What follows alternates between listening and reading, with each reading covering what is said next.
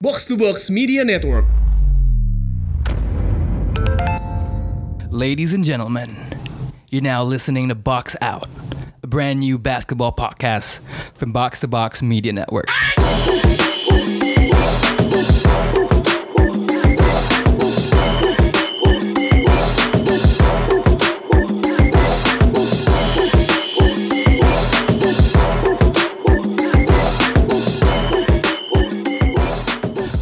To Box Out, the very first basketball podcast dari jaringan media Box to Box. Um, gua Raditya Alif, uh, host bola paling kismin se-Indonesia. Uh, kelihatan dari jumlah saldo, uh, which I will not tell. Sama jumlah followers di Instagram yang entah kenapa di bawah 1K. I don't know, is it because I suck as a football host? Or I suck at Instagram. So anyway, gue ngelebarin sayap ke podcast soal basket.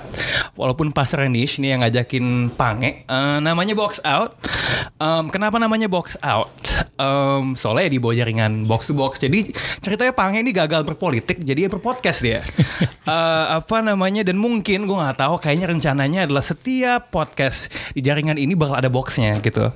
Uh, kayak misalnya kalau misalnya bikin podcast soal teknologi unboxing misalnya, kalau misalnya podcast tentang film, box office, tentang Cimeng, box to box. I do not know. I do not know. We'll see about that. Anyway, tenang aja, biar lebih kredibel. I have two really impressive pundits. Uh, mudah-mudahan bisa seterusnya ada di sini. Uh, first of all, let's put it up. You know, from the six, Toronto, we got Paul Palele, aka P Double. What's up, Paul? What's up? What's up, everybody? And uh, good to be in the box, the hot box, I call it today. Ya, It's nice mati, and bro. hot. That's right. Um, so what you been busy uh, with lately, man? uh, masih nungguin musim NBA mulai yang pasti, but Hmm. I just got 2K19, so I'm on that until like 2 a.m. every morning. Uh, it just came out, just testing out all the teams, just to see uh, formasi dan dan apa ya apa pemain-pemain yang sudah nemu uh, kandang barunya seperti apa sama tim barunya. So yeah, it's been kind of fun, just waiting for the season to start. Ada statistik yang lo nggak setuju nggak di situ? Kayak rating pemain yang seharusnya lebih tinggi atau lebih rendah? No, no. I, I, you know what? It's it's not the ratings. It's how you play the game, man. Okay, it's Yeah. so fun to be you. You, you, you you're basically a stay-home dad. Yeah, it's- it's- liat di Instagram, so you have a lot of time. Yeah, and it's my job to do to play this game karena nanti kan ada siaran NBA, gue harus tahu gitu tim-timnya Ah, mainnya seperti apa. Jadi learning. gue bilang ke istri ya, gue lagi kerjain PR. Ladies and gentlemen, a student of the game by Always, playing the game, bro. Anyway, itu pendit lawas kita. Kalau punit yang lebih baru, we got Amar Gill. Hey, put it up. up? What's up, man? Thank you for having me. Uh, man, so lu basically background lo nih apa nih, man? day job, day job. Gua lawyer. Ice, argumentatif. Bahaya. Kalau itu gua nggak tahu ya. Ya. Tapi eh, kegiatan gua berikutnya adalah main basket bareng Pange. Wih. Di mana keringat kita nggak banyak keluar karena kita terlalu lambat mainnya. Pertanyaan is Pange any good or not? He's a damn good shooter, Oh man. my He's a God. spot up shooter. Kyle tapi, Korver. tapi kalau lo kalau nah makanya tadi waktu itu gue pernah bilang Pange itu Kyle Korver to the game. Ah. Nah ta- makanya tapi lo sangat jarang lihat Kyle Korver layup kan? Hmm. Gitu. Gue kalau ngeliat Pange layup tuh kayak gue pengen dokumentasiin padahal gue ada di lapangan juga. Rambutnya selalu rapi juga ya. Iya, exactly, man. Got the pomade on. Uh, by the way, gue ngeliat kayaknya kalau di Twitter lo main sama sebuah kolektif. um, ini kayak kumpulan pemain basket paling narsis ya. Sejarah te- basket om-om. Can you talk a little bit about that? What the fuck is that actually? Oke, eh, gua bareng Pange juga Hmm. kita main di komunitas basket Om Om namanya. Hmm. Eh, ini komunitas yang setahu gua awalnya itu sebenarnya yang ngejalanin itu teman-teman kita ada yang namanya Hmm. Randy, ada yang namanya Anom dan lain-lain. Ya. Eh, kita tuh mengidentifikasikan diri kita sebagai Om Om karena kebanyakan dari kita memang either lo udah punya ponakan atau lo udah udah punya anak gitu. loh. Uh, atau bentuknya kayak om-om. ya? Atau emang bentuknya juga kayak om-om gitu dong. Nah itu juga sebenarnya sebagai disclaimer karena kita takut tiba-tiba besok-besok ada yang ngajakin sparring, mikirnya kita jago, kita langsung bilang, men kita basket om-om gitu loh, gue nggak bisa gerak banyak gitu loh ya, lo harusnya udah sadar. Atau enggak ini ngefur dulu nih Iya. kan. Gue kita om-om kok tapi jago gila semua. Ya, ya Pange is like giving uh, hand signals. Dia bilang ke gue katanya Amar tuh kayak LeBron James. Ya kan, Going kelihatan. basket om-om. So anyway, let's just cut to the crap eh, apa namanya eh, NBA kalau buat gue musim ini is gonna be pretty exciting ya. Karena bahkan lebih seru dari eh, politik. Mungkin itu kenapa Pange bikin apa podcast soal basket. Because kalau di gue finalnya itu nggak mungkin Jokowi lawan Prabowo gitu loh. I probably go and say we'll be in it. We can discuss that later on gitu. Cuman uh, LeBron James has taken his talents to the West Coast. Ya. Oke LeBron Lakers. Tadi kan NBA lagi media day ya. Eh, itu gue ngakak gitu. Kayak gue ngelihat foto LeBron bersama LA Lance Stevenson Michael Beasley uh, what's the JaVale guy McGee. JaVale McGee Ray, Ray John Rondo. itu kalau itu gue tuh Dan kayak itu dipisah lagi ya fotonya. Yes. Ada squad A sama squad B-nya. Kalau misalnya gue bikin remake Suicide Squad ya kelas eh, cast gue tuh bakal kayak gitu gitu. Right. Gue gue ngeliat LeBron sama Lance setim itu kayak Eminem sama Machine Gun Kelly gabung bikin remake di 12 gitu. But anyway, talking about LeBron, it's an interesting decision obviously.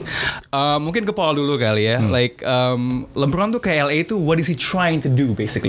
I don't. I don't think he's um, he's uh, trying to do anything. I think basically this is the perfect move for him. Um, I know a lot of people mikirnya ke depannya ini pasti a business decision untuk dia. Dia udah punya. He has two homes out there in Brentwood. Uh, he has businesses out there. He has a winery, and uh, he's looking for his kids go to school. I mean, it, it's it all makes sense for him to move there. But legacy wise, there's one thing that that um, the- people are always comparing him to Michael Jordan, and everyone's always saying six for six. Michael Jordan menang masuk final enam kali, menang uh, final enam kali.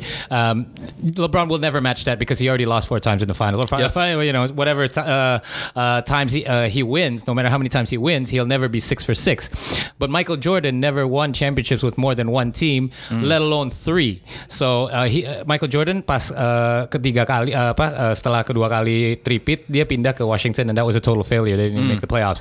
And uh, meanwhile, LeBron made the move. One in Miami, moved home, won there again. Now, not even not Michael Jordan, not anybody has ever won on three teams a championship, just one championship, as the best player on every one of these teams. He was the best player on the Heat. He was the best player on the Cavs, obviously, and he will be the best players on the Lakers if they acquire somebody else. Maybe it's Jimmy Butler, maybe it's Kevin Durant. Siapapun yang akan join dia di Lakers nanti setelah musim ini, he will still likely be the best player. So if he can win a championship there, I don't think there's much argument left that he's the greatest of all time. Nah sebenarnya yang menarik kalau ngomongin kambing ya, kalau ngomongin greatest of all time gitu ya, karena kalau yang gue tangkap dari omongan lo tadi, dia mengubah kriteria dan variabel sebenarnya. Kalau lu menilai seorang GOAT itu apa? Yap. Kan dulu banget debat yang paling klise itu it's all about rings, it's, all about championship. MVPs, ya kan? Dan ini buat gue yang menarik karena itu membuat debat antara let's say ya apa, apa namanya LeBron versus uh, Jordan tuh agak jadi kayak Messi sama Ronaldo di bola because there's so many different variables. Agak susah lu ngebandingin ya. Uh, basketball wise, mungkin Amar kali ya. Oke. How do you see LeBron fitting in the team uh, L- the the newest iteration of the Lake Show basically? Oke, Eh, yang membedakan LeBron menurut gue dari beberapa superstars yang pernah ada di NBA adalah Le- LeBron is always be the system. Hmm. Jadi lu nggak lu nggak misalnya lu punya sistem masuk LeBron tiba-tiba LeBron harus menyesuaikan sama sistem lu. Itu belum pernah ada dalam sejarah basket LeBron di NBA. Tapi yang yang terjadi adalah LeBron being the whole system. Ya. Sistem itu berjalan uh, sesuai dengan apa yang dimainkan oleh LeBron gayanya. Nah, kalau misalnya kalau lo lihat dari komposisi pemain muda ini, mereka memang pemain-pemain muda yang satu versatile, mereka punya postur yang cukup bagus, bisa main di dua posisi, either defense maupun offense. Dan ada juga pemain-pemain senior yang dianggap memang kontroversial sosoknya. LeBron aja kemarin pada saat postingnya siapa gitu soal empat empat pemain itu dia dia bilang empat pemain ini mud, MUD, MUD, MUD sorry MUD, Uh, misunderstood, underappreciated, Determined. satu lagi determined. Yeah. Iya. Jadi uh, yang yang yang yang gue lihat dari permainan LeBron adalah uh, pemain-pemain senior atau uh, yang yang cukup kontroversial ini bisa fit karena kalau lo lihat pada saat uh, uh, Cavaliers menang lawan Golden State itu berisikan pemain-pemain yang tough, Ya. pemain-pemain yang lumayan keras mainnya, dan itu sebenarnya bisa diutilize dengan baik. Maksudnya kayak JaVale McGee se- se- sepanjang karirnya dia selalu dianggap sebagai joke, tapi itu paling tidak sedikit diubah pada saat dia main di Golden Yep. State. Sampai dibelain ya, dibelain Iya. sama KD ya. Dan dia main sangat bagus pada saat final. dia defend LeBron loh. Yep. LeBron itu susah banget waktu dia agak maju buat ngejagain itu itu dia ngalamin kesusahan. Nah maksud gue uh, terkait sama Lakers ini menurut gue ini punya banyak potensi. Kita akan lihat justru LeBron akan main di 4 atau dia tetap akan main di 3 karena ada Brandon Ingram di situ. Eh, yang paling seru sebenarnya siapa yang akan pegang bola? Nah itu pertanyaan yang kan di situ ada Lonzo Ball, Yap. ada Rajon Rondo, ada LeBron. Nah kalau kita ingat emang kalau waktu di Cleveland kan kayak ada dua raja tuh ya, LeBron sama Kyrie offense. Lihat videonya Kobe gak sih? Yang apa katanya two, a kingdom of two crowns lah. How do you see it? uh, how do you see the rotation of who's handling the ball, Paul di LA? Okay, now now you, you see those two photos. Sebenarnya yang gue lihat bukan misfits sama starting lineup ya. Yang gue lihat yang di, di grup misfits ini sebenarnya supaya LeBron gak usah babysit uh, empat pemain sisanya di starting lineup. You have Rajon Rondo who can take care of uh, of, of of ball. Lonzo Ball di setiap latihan akan dipush sama Rajon Rondo. Rondo wants that start, starting spot. He's not taking a back back seat, Yeah. but he knows he's the second point guard. So he's going to be the one yang nurturing Lonzo Ball. It's not going to be LeBron James. He, LeBron James doesn't have time for all of that. Uh, you have Ingram and Kuzma. You have Lance Stevenson, veteran who's been around the league. Somebody like that in practice. Kita nggak ngomong game time dulu. Kita ngomong di practice. This is when all, it all matters. When they're going to get these guys uh, mindset ready for game time. Nah, saat game itu saatnya LeBron will take the lead, and that's when he will lead his starting lineups. But they have to be ready to begin with. These guys, you badan-badannya aja kalau lihat di foto yang sa- kayak satu orang yang gede banget, terus sisa-sisanya yang krempeng-krempeng Krempeng ya? kecil ya. Ingram ya? But that's fine. I mean that like like you said, Mark, uh, dia dia cuma perlu he needs a guy in corner to shoot. He needs a guy to be able to kick out to. He, You know, he just needs players to play their roles. But will they mentally be ready come May or June? Nah ini yang dia Kenapa ada gabungan sama misfits misfits ini? Biar mereka tuh ada mental toughness, like you said, people who are misunderstood, un- underestimated. That's what these guys got- are going to be. These Lakers are going to be underestimated, and I think as long as they ma- they maybe finish, and this this is going to be the tricky part. Mereka harus finish di posisi dua atau ketiga biar nggak ketemu Golden State Warriors di early rounds kalau playoffs. If they can finish in the top four, they have a very good chance to make it at least to the second or third round. You remind me of Steve Smith dengan pendapat yang barusan basically. Benar said the same thing. But it's very it's but it's very tricky. Like how you Yeah. going to finish the top four, right? Kalau buat lo, uh, Mar, uh, poin yang menarik dari Paul, ini peluangnya lebih gede ada chemistry atau chaos?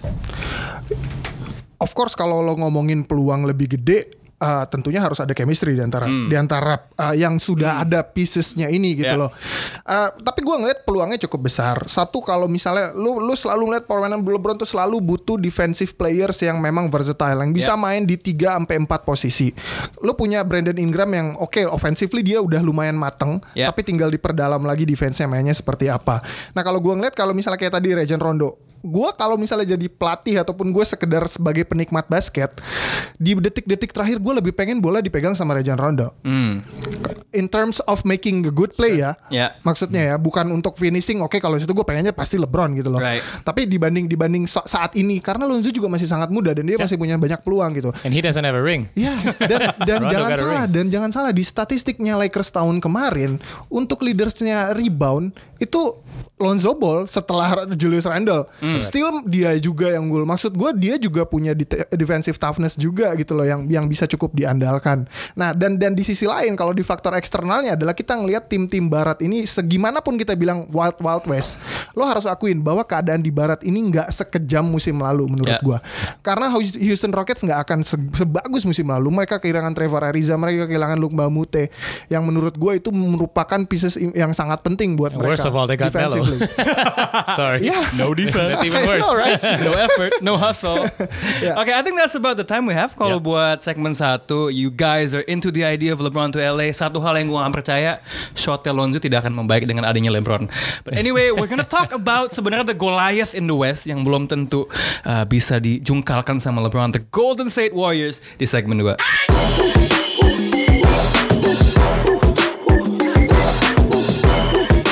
We're back on Box Out segmen 2 ngomong soal the Goliath, the super team of all super team, the Monstars yang semua pemainnya bisa masuk lineup All Star uh, di West. Ya sorry udah bukan West and East lagi actually ya.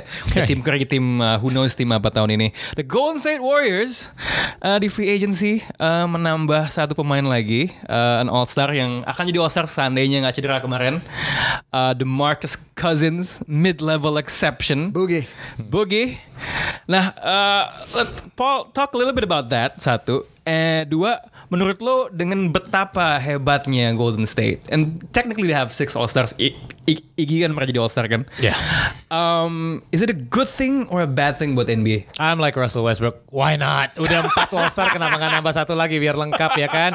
It really for us as the fans, banyak orang yang complain, oh KD ruined the NBA, the Golden State Warriors ruining the NBA, but we're all still watching, right? We watch their games because we love it. It's like watching an All Star game, tapi kita regular season aja bisa nonton pemain at that caliber ngebantai-bantai lawannya. Kasihan emang buat lawan-lawannya, apalagi kalau mereka bantai tim kita gitu. Yeah. Tapi kita tetap nonton. Uh, kenapa kalau LeBron James uh, on the road kita bukan ngomong LeBron tapi on the road the tickets always sell high. He's the highest uh, ticket seller on the road, not on his home stadium because people just want to see the enemy sometimes. Now, Golden State Warriors have become the perfect enemy. I think they're great for the NBA. I think what it does is it shows people, yeah, don't be scared. Jangan kayak KD. Sebenarnya a lot of people gave him a lot of flack for moving to Golden State. Tapi let's face it, it's his decision. Why are you hating on him? Like, you know, he won his rings, he won Finals MVP. He- might do something else, and I think he probably will. That's not going to be his, probably his final uh, destination. Mungkin dia akan pindah ke tim lain. Jadi let them have their time. I think um, this is something that gue curiousnya bukan bahwa mereka akan menang kejuaraan atau enggak musim ini, tapi mereka akan bertahan berapa lama. Soalnya ada Dinastinya seawet apa ya? Yeah, because there is going to be a redundancy, redundancy. There's going to be a boredom factor, and don't forget about the uh, luxury tax that they're paying every year. It's to go up every year. So uh, kalau nggak salah musim ini aja udah kayak uh, lima 50 juta dolar. Itu itu taxnya sebelum bayar salarynya.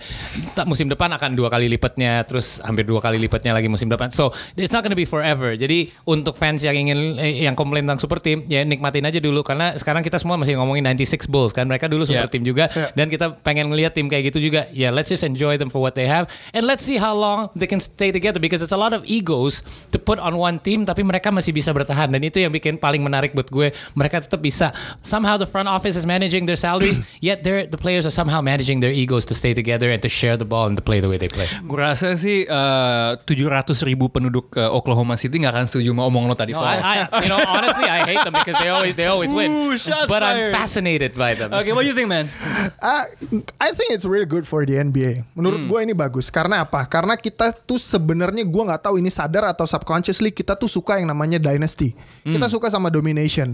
Karena dengan adanya dynasty atau domination itu, itu meng-create suasana yang lain juga buat step up. Ya. Nah maksud gue kenapa orang suka marah Golden State anjrit lu udah terlalu dominan kayak gitu Kenapa lu ngambil Boogie Cousins? Men yang jadi isu adalah kenapa lu nggak memperbaiki diri lu gitu loh. Franchise-franchise yang lain ini Bukan sekarang NBA tuh bukan isunya Bahwa misalnya nanti kita minta Komisioner NBA ngeluarin satu aturan yang Yang melimitasi kemampuan Golden State Ya. Untuk menjadi segitu dominannya. Maksud gue justru lu harus develop tim lain gitu loh. Lu bukannya tanking mulu yang setiap tahun gitu Atau lu ngambil pemain yang memang scoutingnya jelek sebenarnya. Jadi menurut gue sebenarnya ini bagus buat NBA Dan in terms of rating yang apa apa yang kita lihat musim lalu itu sebenarnya salah satu yang tertinggi sepanjang sejarah NBA. Maksud gue berarti orang itu memang suka ngelihat gitu. Dan bukan cuman orang ngelihat oh, suka ngelihat dominasi tapi orang suka ngelihat dominasi dihancurkan seperti tadi Paul bilang gitu loh. Banyak orang juga sangat berharap aduh gue tuh gue tuh sebenarnya nggak suka sama LeBron tapi gue tuh nggak pengen banget kalau misalnya Golden State menang lagi gitu loh. Jadi menurut gue itu itu hal yang yang sebenarnya bagus buat kita sebagai fans. Yeah. Kalau lo, lo, lo pakai kacamata sebagai tim itu ya menurut gue tim salah kalau berpikir kayak gitu. Selainnya lo owner, lo nggak perlu ngelihat dari sisi itu sih. A- anyway, are you gonna enjoy watching kalau musim misalnya musim lalu finalnya Utah lawan Miami? Sorry, tapi Unless gua, you're an NBA hipster, maybe. No. Nah, cuman gue suka elemen elevasinya. I think it's a good point ya, eskalasi. Karena menurut gue tim-tim kayak, let's say Houston gitu ya. Do I think Houston akan nge-acquire Chris Paul kalau nggak ngelihat apa namanya Golden State di sana terus acquire pemain? I don't think so. So I think when there's a team that is so dominant, then others need to follow suit. Dan kayak kata Amar, gue, juga setuju. I mean, it becomes an increasing narrative di mana lo ngelihat this big villain. Like we like to see villains. Uh, ada istilahnya apa apa? Uh, the the the lineup of death, the Death Star dan Golden State sendiri yang gue suka. Dia juga nge-embrace personality as a villain kan. Sempat ada satu, especially di musim pertama abis si abis si KD gabung Yep. ya waktu itu Iya, kan. It's like, iya. okay we're the villains, we're not gonna shy about it. Dan sebenarnya mungkin juga kita suka lupa di olahraga lain is also something yang lumayan lumrah ya. Maksudnya, Ya, why do people hate Man City? Eh, sorry, Man United because they win all the time. Yeah. In American football, we're talking about the Pats because they win Yeah. all the time. And satu hal lagi, caranya tuh halal gitu loh. Dalam artian gue analoginya Ya, nggak ada ada rules yang dilarang, Yes. yang dilanggar gitu. Yes, Yes, it's not like lo ngelihat PSG atau apa yang kena suntikan dana terus kan. It's more like analoginya lebih kayak Bayern Munchen because they're doing things the right way. They got the players to buy in and accept less salary in certain positions gitu. So I think um, it's a situation yang uh, menarik. I mean, unless um, you're a supporter of I don't know the closest rival of Golden State, it will not be an issue. Um, and it's just good because it elevates. And then kayaknya orang emang suka amnesia juga ya. Because kalau ngomongin label super team ya, I mean you could say the same thing for the Bulls or the Lakers. Nah, men, zaman super dulu. team pertama itu Yeah. itu Boston Celtics zamannya Bill Russell. That's right. How many champions did they win in a row? Yes, a lot. Delapan Gitu kan. kali berturut-turut. Yeah. Lo so bayangin. again, this is something yang emang kayak mungkin yang bikin kelihatan baru is this element of player power Iya, kali ya. iya. Sebenarnya yang ngebedakan adalah adanya super team dan adanya super team yang generated by the players. Yes. Itu yang mungkin diawali dengan perpindahan LeBron taking his talent to Miami. Dia Yeah. bilang kayak gitu. Ya mungkin itu yang yang bisa dibilang memulai seperti itu. Tapi menurut gua itu adalah bagus karena lo gini, NBA adalah player uh, driven league. Jadi memang sebenarnya kayak tadi kita ngobrol off air sama Paul bahwa NBA itu pemainnya lebih besar daripada klubnya dan bahkan lebih besar daripada liganya itu sendiri gitu loh. Nah, uh, apa yang dilakukan sama LeBron itu sebenarnya membangkitkan orang-orang atau superstar superstar ini untuk main ke orang gua kadang-kadang lagi main bagus tiba-tiba gua bisa di trade. Kenapa gua nggak punya hak sebagai free agent Yeah. di mana gua bebas? Gua harus menyembah yang namanya loyalty, gua harus ngikutin apa yang mereka mau. Gua bisa pindah ke mana aja gua mau gitu loh. Tadi lo bahas kan ada reporter yang nanya LeBron yang bikin kita ketawa pertanyaannya Yes. gimana lo caranya untuk bisa earn respect sama loyalty dari fansnya uh, Lakers. Dia cuma ketawa kan dia bilang who me didn't I sign a four year contract? So that's what he's saying. He's like you guys had the lowest winning percentage over the last five seasons, 31%, the worst in the NBA. I came to your team and now there's 50 reporters waiting to talk to you. So, you know, that's my that's the way I'm showing my my respect and loyalty. I signed a four-year deal in order to play with you guys, in order untuk naikin lagi mengembangkitkan uh, ini ya historical franchise yang kita bisa bilang the two most historical franchises Boston Celtics and LA Lakers. So, um, it's it's just showing the power. Dan gue tahu ini hal yang haram ya kalau ngomongin bola especially. Um, but I think that should happen more in other sports. Uh, American football, for example, it's haram banget untuk bilang, aduh pemain itu nggak ada yang lebih besar dari klubnya. True, but if all the fans are coming to see these one or two players, mereka mungkin harus dikompensasikan dan harus di orang, orang semua harus sadari bahwa kita harus lebih tailor uh, marketing dan timnya around these people because this is what's selling the tickets, not Yeah, so- just the logo on our. Dan sebenarnya sangat menarik juga you talked about player power ya. Gimana aturan-aturan soal salary cap sem- semua is dealt in a mechanism called the CBA kan collective bargaining agreement di mana sebenarnya basically itu adalah hasil negosiasi antara klub dan asosiasi pemain. That's something yang Yes. gue kalau di bola sih ya gue jarang menemukan um, Susah ya iya, bayanginnya. Iya ngebayanginnya gitu loh. Ya, Karena liganya ada aja the- there's five major leagues. Like Yes. this is one one major league and everyone's playing in it, so it's a lot easier untuk uh, bikin dan itu pun juga pernah ada strike kan ya maksudnya nggak Lockout, selalu lockout, uh, ya. yeah, like, there's been a lockout. So that's what I mean. Like maybe each league kayak di bola should do it, but I think this is something that's great that pemain sama owners emang harus temu di tengah. Nggak semuanya akan dapetin semua yang mereka mau, tapi it's important for, for each side to get what they want. Oke guys, I think kita we're on the same page nih kalau soal Golden State as a super team. We all agree it's a good thing. So then the follow-up question is, can we disagree about penantangnya Golden State yang utama di West? Uh, Mark, who do you think that team is? Atau ada nggak tim itu sebenarnya? gini gini menurut gua menurut gua dibanding dibanding kayak tadi gua udah bilang dibanding musim lalu gap antara peringkat satu ya maksudnya arguably akan menjadi peringkat satu dan yang berikut berikutnya itu cukup jauh ya. makanya gua gua memandang bahwa Golden State ini kan gini gua bilang peringkat satu bukan berarti di regular season ya karena menurut tim-tim seperti Golden State itu udah nggak jadi relevan lagi Iya. gua nggak peduli gua ketemu sama posisi berapa gua yang penting akan melaju terus Home final court tuh bukan advantage. ya, bukan sama advantage aja, lagi ya. gitu loh. Itu udah sekarang udah lebih cair gitu keadaannya. Nah, menurut gua sebenarnya yang yang cukup berpotensi adalah eh, mengalahkan Golden State adalah cedera. Good answer. Karena karena menurut gua gini, kayak lo ngomongin Bugi Kasen. Bugi Kasen itu cedera eh, Achilles gitu. Itu yang cedera salah satu yang paling parah di NBA di atau di sport mana pun gitu. Nggak pernah ada pemain yang bisa uh, kembali menjadi prima setelah mengalami cedera gitu. Elgin Baylor di tahun 71 juga pernah poinnya jadi jadi jadi hancur. Yang paling bagus yang pernah mungkin Dominic Wilkins dari sekitar 26, sekian poin per game setelah dia cedera Achilles jadi 24, sekian. Itu juga nggak Yeah. lama. Kobe Bryant habis, Elton Brand habis. Jadi menurut gua mungkin itu maksud gua itu ketakutan terhadap cedera mungkin bisa jadi musuh utama. Tapi kalau untuk menjawab pertanyaan lo tim mana, surprisingly gua punya harapan sama OKC Thunder. Mak Thunder maksud gua untuk untuk menjadi menjadi challenger mereka yang cukup kuat sama kuda hitamnya Utah Jazz. Nggak, uh, why oke sih? Karena satu nggak ada Melo. Karena Melo udah cabut. Say karena Melo udah gak ada. Iya man. He was the Achilles Yeah. heel. He was their Achilles heel. Jadi kita we should rename ourselves the anti melo melo club kayaknya. ya. It's just facts, man. Oke, uh, kalau misalnya selain OKC, Yeah, si- similar answer. My answer would have been their biggest penantang pe- terbesar untuk uh, uh, GSW yaitu GSW sendiri. Tapi mungkin dari bukan dari sisi cedera karena gue udah pernah lihat mereka uh, menghadapi cedera terhadap uh, KD maupun Steph and they're just fine. They can they can keep that wheel turning. I think chemistry wise mereka nggak bermasalah sama sekali. Yep. They got they got their uh, the demon inside there which is Draymond and they're still fine. In in fact, that's what makes them Uh, one, click better. And yeah, exactly. So um, I think chemistry wise, they're going to be just fine because he, the fact that he came in for a mid level exception proves that he wants to be part of the team. so I think the only thing that can hurt themselves is complacency. Complacency karena ini ini you know if what three peat, four peat, like you know what I mean. Maybe to some of them two championships is enough. Like I want something else now. Like Kyrie, one was enough. Jadi nggak berarti semua orang on the same page. Jadi the only thing I can see is complacency. We saw it last season sedikit di mana Golden State sedikit menurun permainannya. Ada dipnya. Itu karena mereka sendiri yang menurun bukan karena eh, ininya meningkat ya. Dan selainnya playoff format mau balik kali eh, mau balik lagi ke kayak zaman dulu yang eh, cuman eh, best of five di ronde pertama. Ya. Di situ yang biasanya ada tim besar bisa tumbang karena you can easily lose uh, quick three Yes. somehow out of five, but there's no way they're gonna lose uh, you know out of a seven game series.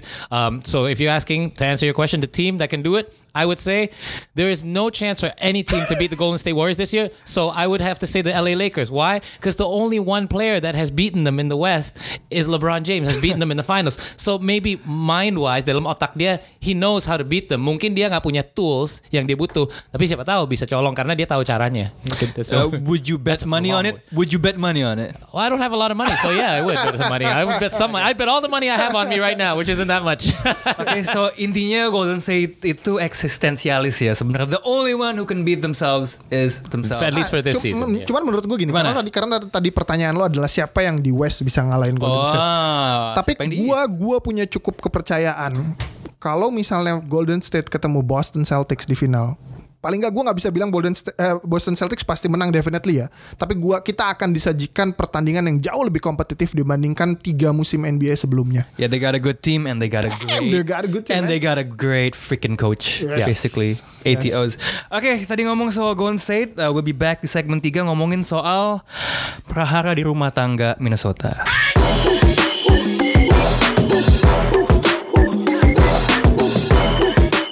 Welcome back to Box Out Podcast segmen 3 Ini dari tadi gue merhatiin ngomongnya cepet-cepet banget ya. So let's just call this session time out. Bisa dibikin lebih Wallace nggak kali ya pembicaraannya? We'll see. Isu yang dibahas kali ini adalah masalah rumah tangga orang ya Um, Jimmy Butler uh, udah mengajukan trade request ya. Ada ketidakcocokan um, kalau bahasa orang divorce tuh uh, irreconcilable differences uh, antara dia kayaknya sama Carl Anthony Towns sama Andrew Wiggins ya. Yang menarik nih NBA kan banyak banget drama dan beef di social media ya. I mean what was really interesting adalah um, reaksi orang-orang sebenarnya ya. Um, abis Jimmy Butler bikin trade request, terus tiba-tiba uh, ini kain lo kan orang Kanada gitu kan ya, kakaknya Andrew Wiggins ya. Apa, apa adiknya tuh? Nick Nick Wiggins, kakaknya ya. Uh, dia bilang haleluya. Abis itu Steven Jackson, you know, uh, udah jadi pandit sang di The Jump ESPN. Um, apa namanya uh, ngasih komen uh, bilang kalau Andrew Wiggins harusnya bilang ke Nick Wiggins, man, I don't think you should do that gitu. And then yang namanya pemain NBA kan frontal ya. Jimmy Butler lagi latihan somewhere in California, I assume, lagi lari tiba-tiba Instagram story malahan ya dengan caption Hallelujah. That was actually before. Was that? Keep the that same was setelah. energy. That Yeah. was yeah, that was setelah trade uh, request. I mean, Paul, Jimmy Butler wants out. Uh, dari um, apa namanya Tom Tom Tips ya. So Project Timberwolves nih nggak nggak nggak kejadian in the end. What's your take on that, Paul? Uh, no big surprise for me. Um, you saw signs of, uh, you know, th- uh, displeasure dari musim lalu juga. Um, this team didn't work in Chicago. Why would it work in Minnesota? Um, LeBron James re- did not uh, request to keep Wiggins when he went back to Cavaliers for a reason. Um, LeBron James likes to win championships. He is very competitive. Right. I see that same thing dari uh, Jimmy Butler juga di mana justru yang ditantang apa uh, ini dia apa team spirit dan his fight the fight coming from Andrew Wiggins. So why is this all uh, you know a coincidence? Probably not. Um, also I, I see that uh, request dia itu ke um, big market teams. He wants to go to New York or LA, but he doesn't want to be part of another team where there's already other superstars and he takes a back seat. So he's in a Kyrie Irving kind of situation. Mungkin gue pengen tim sendiri tapi gue nggak mau di market kecil juga. I mean, we know we've seen him on TV shows and stuff like that. Jadi um, I think this is a move he needs to make and I think this is a th- something that's good for the Wolves. Um, I think the Wolves don't need uh, Jimmy Butler. I I don't think the Wolves were ever championship contender. Memang mereka tiap tahun emang kita harus menang kejuaraan. Enggak lagi. They're trying to build. Ever ever since Kevin Garnett. As Why a do you think matter Kevin of fact, mereka baru masuk playoff lagi musim lalu itu. Exactly right. I mean, they, they had Kevin Love all that time. No, no good. yeah. Um, Kevin Garnett had to leave to win a championship and then come back at the very end. So they're not that championship team. And I think Jimmy Butler knows it, and I think the T Wolves know it. So I think uh, antara T Wolves sama Jimmy Butler kesepakatan aja meeting. Lo, lo maunya ke mana? You know, we can get a good deal for you as well. So so that way mereka bisa kerja sama. Jangan cuma mikir, oh ini cuma pemain yang minta, terus ini spoiled brat banget ini anak yang uh, nggak nggak tahu diri yang minta pindah-pindah. Enggak, the team can make something good out of this. They can get a good player in return. They can get some assets in return, whatever it is, which is what the Timberwolves need right now anyway. It's not that they need a Tapi yang menarik tuh uh, in this case ya, it's not just about Jimmy B, tapi kalau baca berita, Tom Tibbs lagi Ngerayu. lagi ngerayu Ya. dan Glenn Taylor pemiliknya justru udah nawarin ke mana-mana. Like perta- the, the next question would be, ini kan kayaknya Timberwolves tuh mau membangun sesuatu. They're looking to the future. Yeah. Jimmy B tipikalnya win now. Nah, Tom Tibbs kalau gue lihat track recordnya, he wants to be a guy who wins now. Cuman ya belum win-win sampai sekarang gitu. Oke. So the the second question is uh, kalau how long do you see Tom Tibbs staying in T-Wolves? Will he stay or not? Oke, satu Tom Tips itu bukan hanya sebagai pelatih tapi dia juga jadi president of Ya. basketball operation. Nah, itu yang jadi isu karena ada banyak tim yang yang punya posisi yang sama seperti itu kayak di Clippers waktu Doc Rivers akhirnya Ya. dia dipecat sebagai president of basketball operation hanya jadi pelatih Stan Van Gundy di Detroit Pistons. Maksud gue itu memang menimbulkan konflik yang cukup besar karena dari segi manajemen lu membutuhkan lu membutuhkan pragmatisme bukan sekedar mikirin gue sebagai pelatih maunya apa gitu loh. Uh, jadi jadi gue sih nggak satu gue gua ngelihat Tom Tips punya posisi yang cukup bagus. Cuman mungkin kalau pertanyaan lo apakah dia bakal lama sebagai pelatih, gue melihat masih mungkin. Tapi sebagai president of basketball operation mungkin dia juga akan mulai dicopot karena Ah, mungkin juga akan 50% bermasalah. It has never bisa. worked. Why do we Yeah. keep trying to Yeah. do this? Gak Yeah. pernah ada yang sukses di dan dua-duanya. dan yang menarik justru ketika dia jadi GM dia tendensinya malah ngam- malah narik-narik pemain lama dia ya. Ya makanya ini yang really. lo, lo tanya tadi itu sebenarnya dia lawan diri sendiri yang nge-recruit yang mau ngerayu ngerayu Jimmy Butler tuh dia sebagai pelatih tapi dia sebagai GM tahu that's not really the right choice to make so seperti lo bilang Mar something has to be done either Yeah. you gonna be a coach or you gonna be a president of basketball operations Yeah. choose one dan lo keputusannya bakal lebih jelas Dan dan tim wise tanpa ada perubahan yang cukup signifikan, malah ada penurunan daripada pemain-pemain yang muda. Kayak tim kayak kayak si Andre Wiggins di musim sebelum ada Jimmy Butler, dia sekitar 23, sekian poin per game yang sebenarnya bisa dikualifikasikan sebagai All Star kalau dia nggak di barat. Nah, tapi begitu ada begitu ada Jimmy Butler jadi sekitar 16-an poin per game. Maksud gua ada penurunan karena ya mungkin karena ada konflik soal siapa yang akan pegang bola, Jimmy Butler juga. Nah, cuman tinggal menurut gue setuju sama yang tadi yang tadi dibilang Paul kayak lo ya udah lo tinggal cari aja tim yang yang bisa untuk mendapatkan gini karena jangan jangan lakuin hal yang dilakukan sama pada saat Kyrie dipindahin ke Boston Celtics. Menurut gue itu bodoh banget. lo mindahin pemain pemain nomor 2 lo ke tim rival, lo Rival. yang paling utama di di di di, di apa namanya di East. Jadi menurut gue sih ya lo tinggal cari aja mereka dia mau pindahin ke mana. Kalau misalnya lo bisa dapat lo, lo bisa generate uh, pemain-pemain bagus dari Lakers, pemain-pemain mudanya, lo bisa dapat Kyle Kuzma. Gue sih gue ambil ya. Nah, masalahnya dia nggak mau ke Lakers dia maunya ke Clippers Nah, nah cuman, I cuman- love cuman- that though. nah, I love that. Cuman gue gue tuh gini, gue agak agak nggak setuju sama itu ya Paul. Maksud Ya. gue gini, NBA itu bisa dibilang kalau lo sepanjang masih ada kontrak sama tim, ya players are owning by the team. Of course. Jadi menurut gue lo nggak perlu mikirin, oke si Jimmy Butler nggak mau ke sini nggak, gue nggak peduli. Kan lo tanda Gua tangan kontrak, iya kan? Iya, makanya bener, gue yang penting gue dapat apa ya gue nggak peduli kok, gue nggak perlu entertain lo, lo akan puasnya di mana. Toh sebenarnya remaining kontrak lo cuma satu tahun 2019 lo kalau memang mau nge-build sesuatu di New York Knicks, ya lo silakan aja gitu loh. Nah. Cuman masalahnya siapa yang mau ngerental service dia cuma satu tahun untuk tahu bahwa ada kemungkinan besar dia akan pergi. Oke, oke sih kan dalam kasus Paul George, they took a gamble kan. I mean now there's this trend it's called free agency kalau nggak salah ya, di mana pemain-pemain setahun ini ini kata-kata Setahun sebelum mereka jadi free Iya, nah kalau kalau lo ngeliat situasi Jimmy Butler ya, what would be the best fit? Like tim mungkin bukan buat dia tapi tim apa yang kira-kira kalau misalnya they sign him on a rental gitu buat setahun yang punya kans yang cukup gede Untuk keep dia. untuk keep dia. Miami Heat, and that was the latest that we heard that you know Miami Heat is in uh, trying to get him. I think they can give him what he wants. Dan mereka big market juga, and they, they got the proper management. They got Pat Riley. Uh, they got a great coach that's won the championship. Dan I think they're, they're always competitive. Even musim lalu, mereka nggak punya siapa-siapa. Mereka lumayan kompetitif loh mainnya. Jadi uh, daripada ke Brooklyn, daripada uh, Magic Johnson nggak mau satu pemain untuk rental juga. Dia dia ingin ngejar nama besar tahun depan juga. Bukan Jimmy Butler yang dia akan coba keep juga. Somebody bigger than Jimmy Butler. We know that. He has the max cap space for it. Jadi I think Miami. Tapi tapi ru- tapi rumors gini, gue gue gue setuju kalau ngomongin Miami. Tapi rumors bilang bahwa Daryl Morey itu lagi ngedeketin Ah. Jimmy Butler. Jadi kalau misalnya dia bisa pindah ke Houston Rockets, Katanya Eric Gordon ya yang katanya involved in that package. we don't know yet. Ah. Gue juga nggak mau sok nebak-nebak. Cuman yang jelas menurut gue kalau misalnya mereka memang berjalan dengan cukup baik, bukan nggak mungkin mereka coba membangun dinasti di. Tapi ada satu masalah, man. Ada Melo. I was Kidding, man. nggak. I don't want to be Melo hating. I'm just kidding. Habis di dua segmen sebelumnya kita bahas Melo ya sekali lagi lah ya. Just You took fun. my punchline, Paul. Oh my god. Okay, uh, that's all about all the time we have. Ini sebenarnya Dian jadi nggak terlalu time out ya. I gotta find an angle yang lebih receh kayaknya. Um, but thank you. I really appreciate y'all for coming down, Paul. Yeah, it's been a been a blast to fun, see you man. again. Good times. Uh, Amar, see you again. man, see you guys you. next week. All right. So man, fist bump nggak kelihatan tapi it's, 'cause it's a freaking Yeah, audio podcast. so uh, atas nama Paul sama Amar, uh, gue Raditya And we out.